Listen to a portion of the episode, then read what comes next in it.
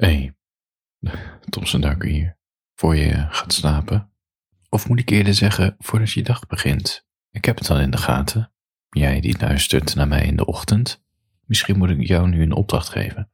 50 jumping jacks. 25 squats. Beetje die dag actief beginnen. Soort wakker worden met Thompson Darko of zo. Wakey wakey. Je hebt zo'n gruwelijke, voor je gaat slapen, voor je dag begint. Je hebt zo'n gruwelijke scène in de film Schindler's List. Die uh, nazi-commandant wordt uh, wakker. En dan vanuit zijn balkonnetje van zijn slaapkamer heeft hij uitzicht over het hele uh, concentratiekamp. Dan zit hij daar in zijn pyjama broek en zijn blote torso en dan pakt hij zijn sniper. Ja, ik lach erbij, maar het is helemaal niet grappig. En elke, elke jood die niet hard aan het werk is, die schiet hij dan neer met zijn sniper. En zijn vrouw ligt in bed en die vindt het verschrikkelijk dat hij zo loopt te knallen. En dan komt hij zo binnen, nadat hij een paar joden heeft neergeknald als uh, ochtendroutine of whatever. En dan zegt hij zo, wakey wakey.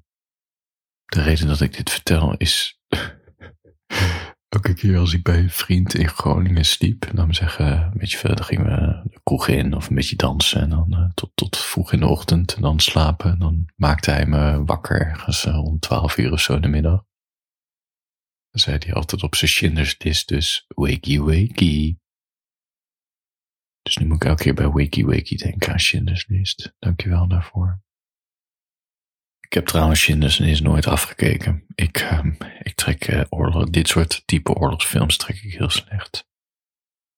Weet je, mensen in een kamp stoppen en dan die horror, ik kan het gewoon niet aan. Ik uh, kan er niet aan. Dus ik, ken scènes van Schindler's List, maar ik heb die film nooit gezien. Net zoals de pianist, ja, ik kan er niet naar kijken. Het gaat, uh, ik kan dat soort onrecht gewoon niet aan. Voor je gaat slapen. Ik heb een luisterboek uitgebracht, die heet Sombere Hitsigheid Onbegrepen.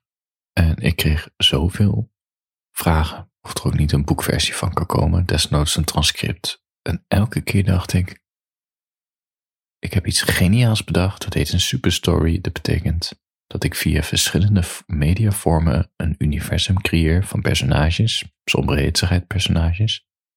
Prequel is een luisterboek.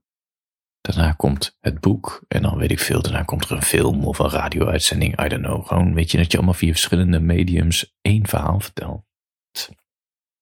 Maar als iedereen vraagt om een papieren editie, wie is er dan gek? Ja, ik. Alleen, ik vind het niet erg om een boek te maken, helemaal niet. Het ding is alleen, ik breng alles in eigen beheer uit en een boek maken is echt teringduur geworden. Sowieso inflatie en corona heeft al die papierprijzen omhoog geduwd. Omdat iedereen thuis uh, zat en thuisbezorg.nl inschakelde, kwam er een run op papier op die kartonnen verpakkingen waar eten in kan. En iedereen zat in webshops te bestellen. Heb je ook papier voor nodig voor die dozen? Met als gevolg dat papierprijs enorm omhoog is gegaan. Gewoon schaarste.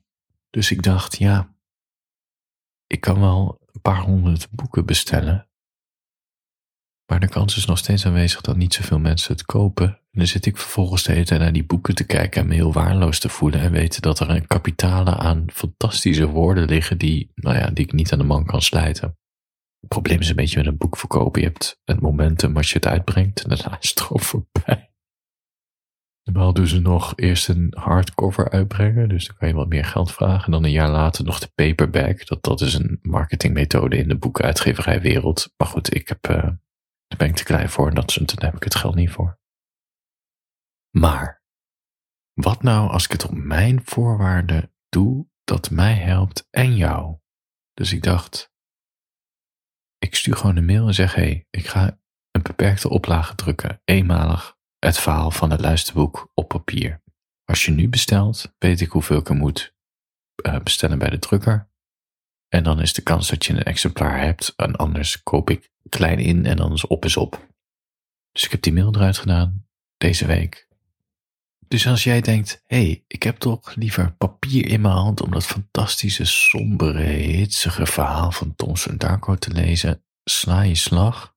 Want op is dus echt op. Ik ga het één keer drukken eind volgende week. Ja, dat is een beetje moeilijk om te zeggen, want mensen luisteren dit ook in de toekomst, laat me zeggen. Oké, in de week van 5 december 2022, eind van die week, gaat het naar de drukker. En dan uh, een paar weken, ik denk zes weken later, heb ik de boeken binnen. En wat er dan nog van over is, op is op. Dus als je dit luistert, sla je slag. Ik zal de link in de show notes zetten. Het is gewoon somberheidschrijf.tomsendarko.nl. Kun je of een luisterboek halen of de papieren versie. Voor je gaat slapen. Wakey wakey. Ik zit wel een beetje in de oorlogfilms de laatste tijd. En dat komt door die verschrikkelijke oorlog daar aan het eh, oostfront van ons continent. Fucking hell, er is gewoon weer, weer een oorlog aan de gang. Dus zit ik als, uh, ja, als man zijnde oorlogfilms te kijken. Omdat ik me helemaal kan identificeren met jonge 18-jarigen die worden opgeroepen. Een wapen in de hand krijgen en dan ja, de vijand moet neerschieten. En ik had me een film gezien voor je gaat slapen. Dat gaat over die hele bekende foto. Tweede Wereldoorlog hebben we het over. Die foto ken je ook. Dat zijn een stuk of zes soldaten die de Amerikaanse vlag bovenop een heuvel zetten. En dan zie je ze zo met die, uh, met die vlaggenstok, zie je ze zo met z'n allen zo duwen. En dan zo, up. Het is niet vreemd dat foto's gemanipuleerd zijn, helemaal in oorlog. We kennen, ik denk dat je die nog wel van de geschiedenisboeken kent. Toen uh, de Russen in Berlijn kwamen, planten ze een Sovjetvlag, volgens mij op de Rijkstag. Gemanipuleerd, is allemaal in scène gezet. En ze dachten ook heel lang dat deze foto van die Amerikanen met die vlag ook in scène was gezet. Is niet zo gebeurd, maar het heeft wel een heel tragisch verhaal. Ik zou eerder kunnen zeggen melancholisch. Het is vooral niet heroïs. Goed, de Amerikanen waren ook aan het vechten in de Grote Oceaan tijdens de Tweede Wereldoorlog tegen Japan. En op een eiland, ik denk Okinawa, sorry, mijn Japans is ook niet meer wat het geweest is. Ja, het is echt een flut-eiland en dat had een vliegveld. Maar goed, het was wel van strategisch belang. 100.000 Amerikanen vochten tegenover 20.000 ingegraven Japanners. Die zaten in dat eiland, op dat eiland in allemaal van die grotten en dergelijke.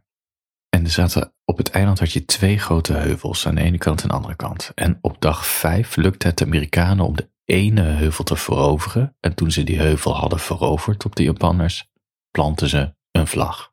Kleine vlag aan een stok.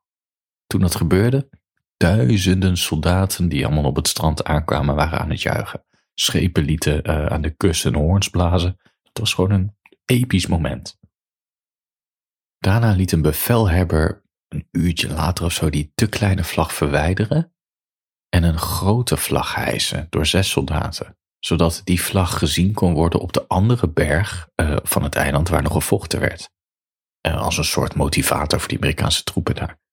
En net, en net dat moment dat ze die grotere vlag plaatsen, schiet een fotograaf, Rosenthal, uh, met zijn camera die iconische foto.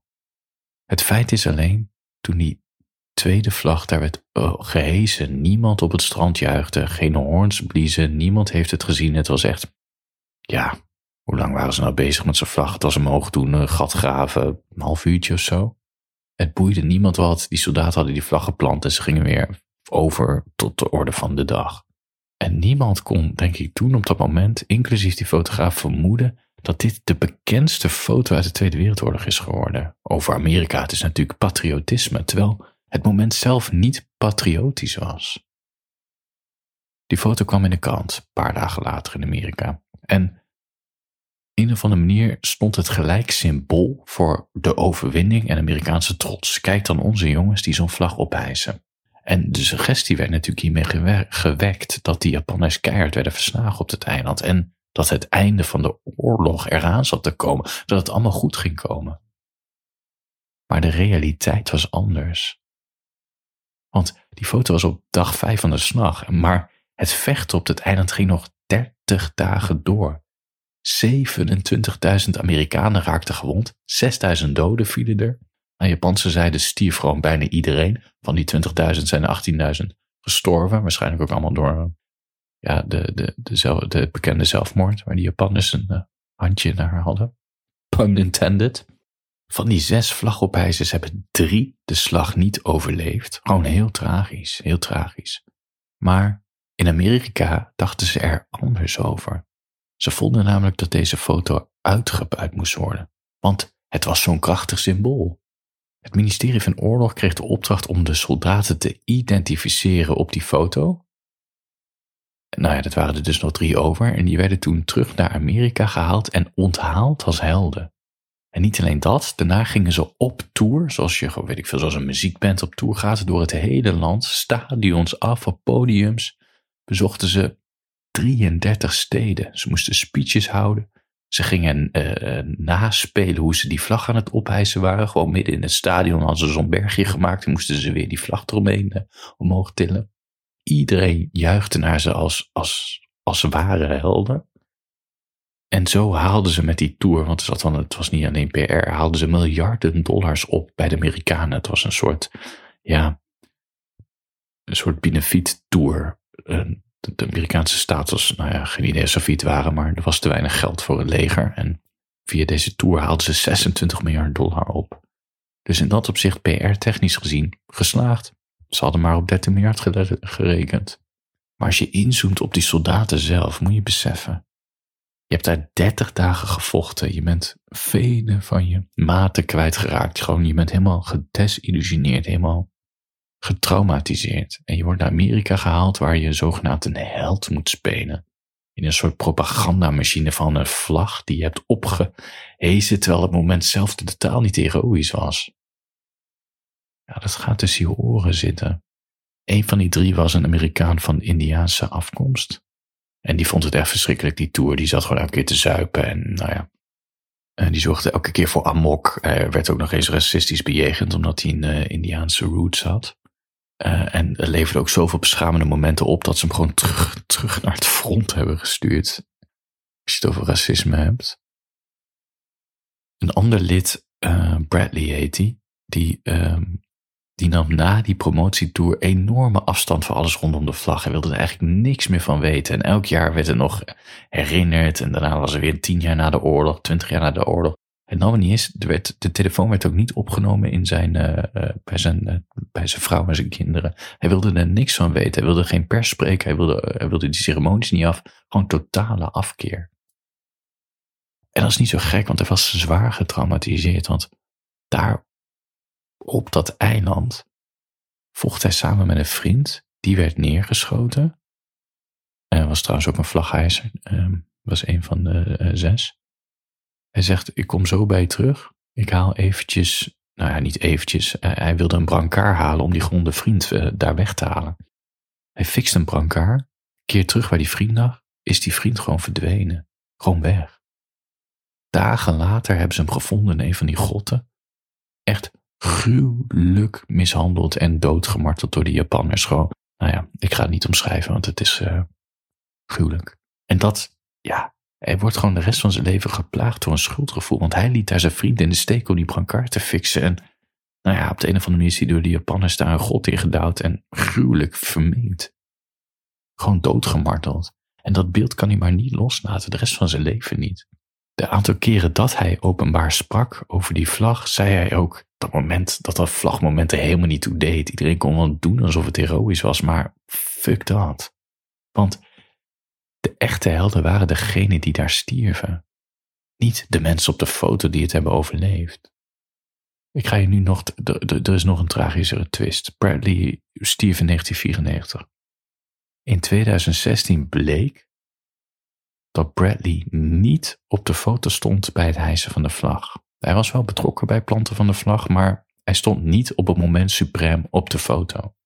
Je had dus die Amerikaanse Indiaan Bradley, en er was nog die derde man, René heet hij, Gagnon, die bleek na nieuw onderzoek in 2019 ook niet op de foto te hebben gestaan. Dat was weer een andere soldaat. Het is, het is echt weird. Als in, weet je, twee van de drie soldaten die zijn op tour gegaan terwijl ze ook niet op de foto stonden. En ze hebben het waarschijnlijk alle twee geweten. Ze hebben het waarschijnlijk echt alle twee geweten dat ze er niet op stonden. Uh, en dat weten we omdat ze, weet je al die archieven zijn ze ingedoken en al die brieven, uh, briefwisselingen hebben ze, nou ja, er is dus wel eens gezegd in brieven dat ze inderdaad niet op de foto stonden. Er blijkt twee andere soldaten die er niet op stonden, die, uh, sorry, die wel op de foto stonden, maar niet geïdentificeerd waren, die wisten het wel dat zij op die foto stonden, maar die hebben er ook nooit een ding van gemaakt. Dus we hebben hier met allemaal soldaten over, die er, ja, het is bijna niet voor te stellen, maar die allemaal herinnerd worden om die iconische foto, maar twee van die er daadwerkelijk op stonden, die hebben nooit gezegd dat ze erop stonden. En de twee waar iedereen van dacht dat ze erop stonden, die zelf ook wisten, we stonden helemaal niet op de foto, die hebben er ook geen vast om gemaakt. Absurd. Maar dat komt dus omdat die soldaten naar die oorlog, die slag hebben meegemaakt en wisten van, ja, dit is die hele propagandamachine, het zal allemaal wel, we spelen maar een rol mee, maar het boeit ons eigenlijk geen fuck en ze hechten dus ook heel weinig waarde aan. Dat is zo maf, dat iedereen die foto kent en ze zou zeggen dat zijn zes helden, terwijl die helden zelf denken, nou ja, je kan me van alles noemen, maar een held hoef je me niet te noemen. Omdat ze allemaal intuïtief aanvoelden dat het er gewoon niet toe deed. Ze hebben allemaal die verschrikkingen van de oorlog ervaren. En dat is iets wat het publiek misschien nooit volledig zou begrijpen. Die foto was symboliek, maar symboliek is niet een waarheid. Symboliek is niet hoe het was. Iedereen kan via die foto denken dat je een held bent, maar al die soldaten daar zagen elkaar helemaal niet als held. De enige helden waren degenen die gestorven waren. Voor je gaat slapen. Clint Eastwood heeft deze film verfilmd ergens in 2006. Uh, eh, die film heet The Flags of Our Fathers. Ik weet niet of je van het oorlogsfilmgenre houdt. Het is, uh, ik vond het een aangrijpende film. Het is niet heroïs. Het is rauw. Het is ook het geweld is nou ja, heftig, maar het verheerlijkt niet oorlogsgeweld. Hij staat volgens mij op HBO Max. Het mooie is ook wat Clint Eastwood heeft gedaan. Dat is echt fascinerend en fantastisch. In ieder geval, ik, ik hou er wel van, want die Amerikanen en die Japanners hebben onder het eiland gevochten. En wij zijn natuurlijk van het Westen. We zeggen Amerikanen stonden aan de goede kant, Japanners aan de slechte kant. Maar dat is een, dat is een heel moralistische kijk, want die Japanners waren natuurlijk ook maar gewoon, vooral de soldaten, gewoon mensen. En die deden ook wat hun het beste leek om hun thuisland te verdedigen. En ik vraag me altijd af bij zo'n oorlogsfilm van ja, hoe is het dan voor die Duitsers? Bijvoorbeeld als de, ergens als de, als de Tweede Wereldoorlog film is in Europa. Clint Eastwood heeft van diezelfde slag ook een Japanse versie gemaakt. Die is ook uh, heel aangrijpend. En die films, die films zijn een beetje gespiegeld. Want in die film The Flags of Our Father zie je bijvoorbeeld die vriend uh, verdwijnen. Dat die door de Japanners uh, is doodgemarteld. En de Japanse film laat zien dat ze die soldaat bijvoorbeeld hebben gemarteld. Dus er zitten een paar sleutelscènes in die ook in die andere film zitten. Ja, fascinerend. Mooie film. Heel, ik denk een hele humanistische kijk op de waanzin van oorlog en het menselijke leed wat erachter schuil gaat. Dat je gewoon mannen met wapens, ja, die eigenlijk politiek gezien helemaal niks met die ruzie te maken hebben, dat ze het maar moeten uitvechten met elkaar. Absurd. Absurd. Voor je gaat slapen, wil ik nog een heel kort verhaaltje voorlezen. Het heet Waar was je al die tijd? Je stond onverwachts voor mijn deur en ik weigerde open te doen. Je tuurde nog naar binnen via het raam, belde me een paar keer op voor je toch vertrok. Het is niet dat je niet leuk bent. Zoveel te doen, zo weinig tijd, zo hard gewerkt om hier te komen. Waar was je afgelopen jaren toen ik je zo goed kon gebruiken? Ik kan je niet vragen om te wachten. Ik kan je ook niet negeren. Als ik voor mezelf kies, breekt mijn hart. Als ik voor jou kies, stopt mijn uitgestippelde toekomst. Waarom ben je zo leuk? Waarom blijf je maar volhouden? Voor je gaat slapen, somberehitsigheid.tomsenduiker.nl om een luisterboek of de papieren versie te bestellen, nu het nog kan, van dit verhaal. Uh, het verhaal Sombere Hitsigheid bedoel ik. Als je trouwens elke woensdagavond een melancholisch tekstje in je mailbox wil, tomsendarko.nl. Als je interesse hebt in mijn wakey wakey uh, opstaan berichten, die maak ik ook, maar dan exclusief. petjeaf.com slash tomsendarko. Uh, dan krijg je vijf dagen in de week een mailtje van me om zes uur s ochtends en drie keer in de week exclusieve spraakberichten in de ochtend. Voor de melancholie de duisternis, hoe dat je vriend kan zijn en dat soort dingen. Uh, petjeaf.com slash Dankjewel voor luisteren. Voor je gaat slapen, handjes boven de tekens. Wakey wakey.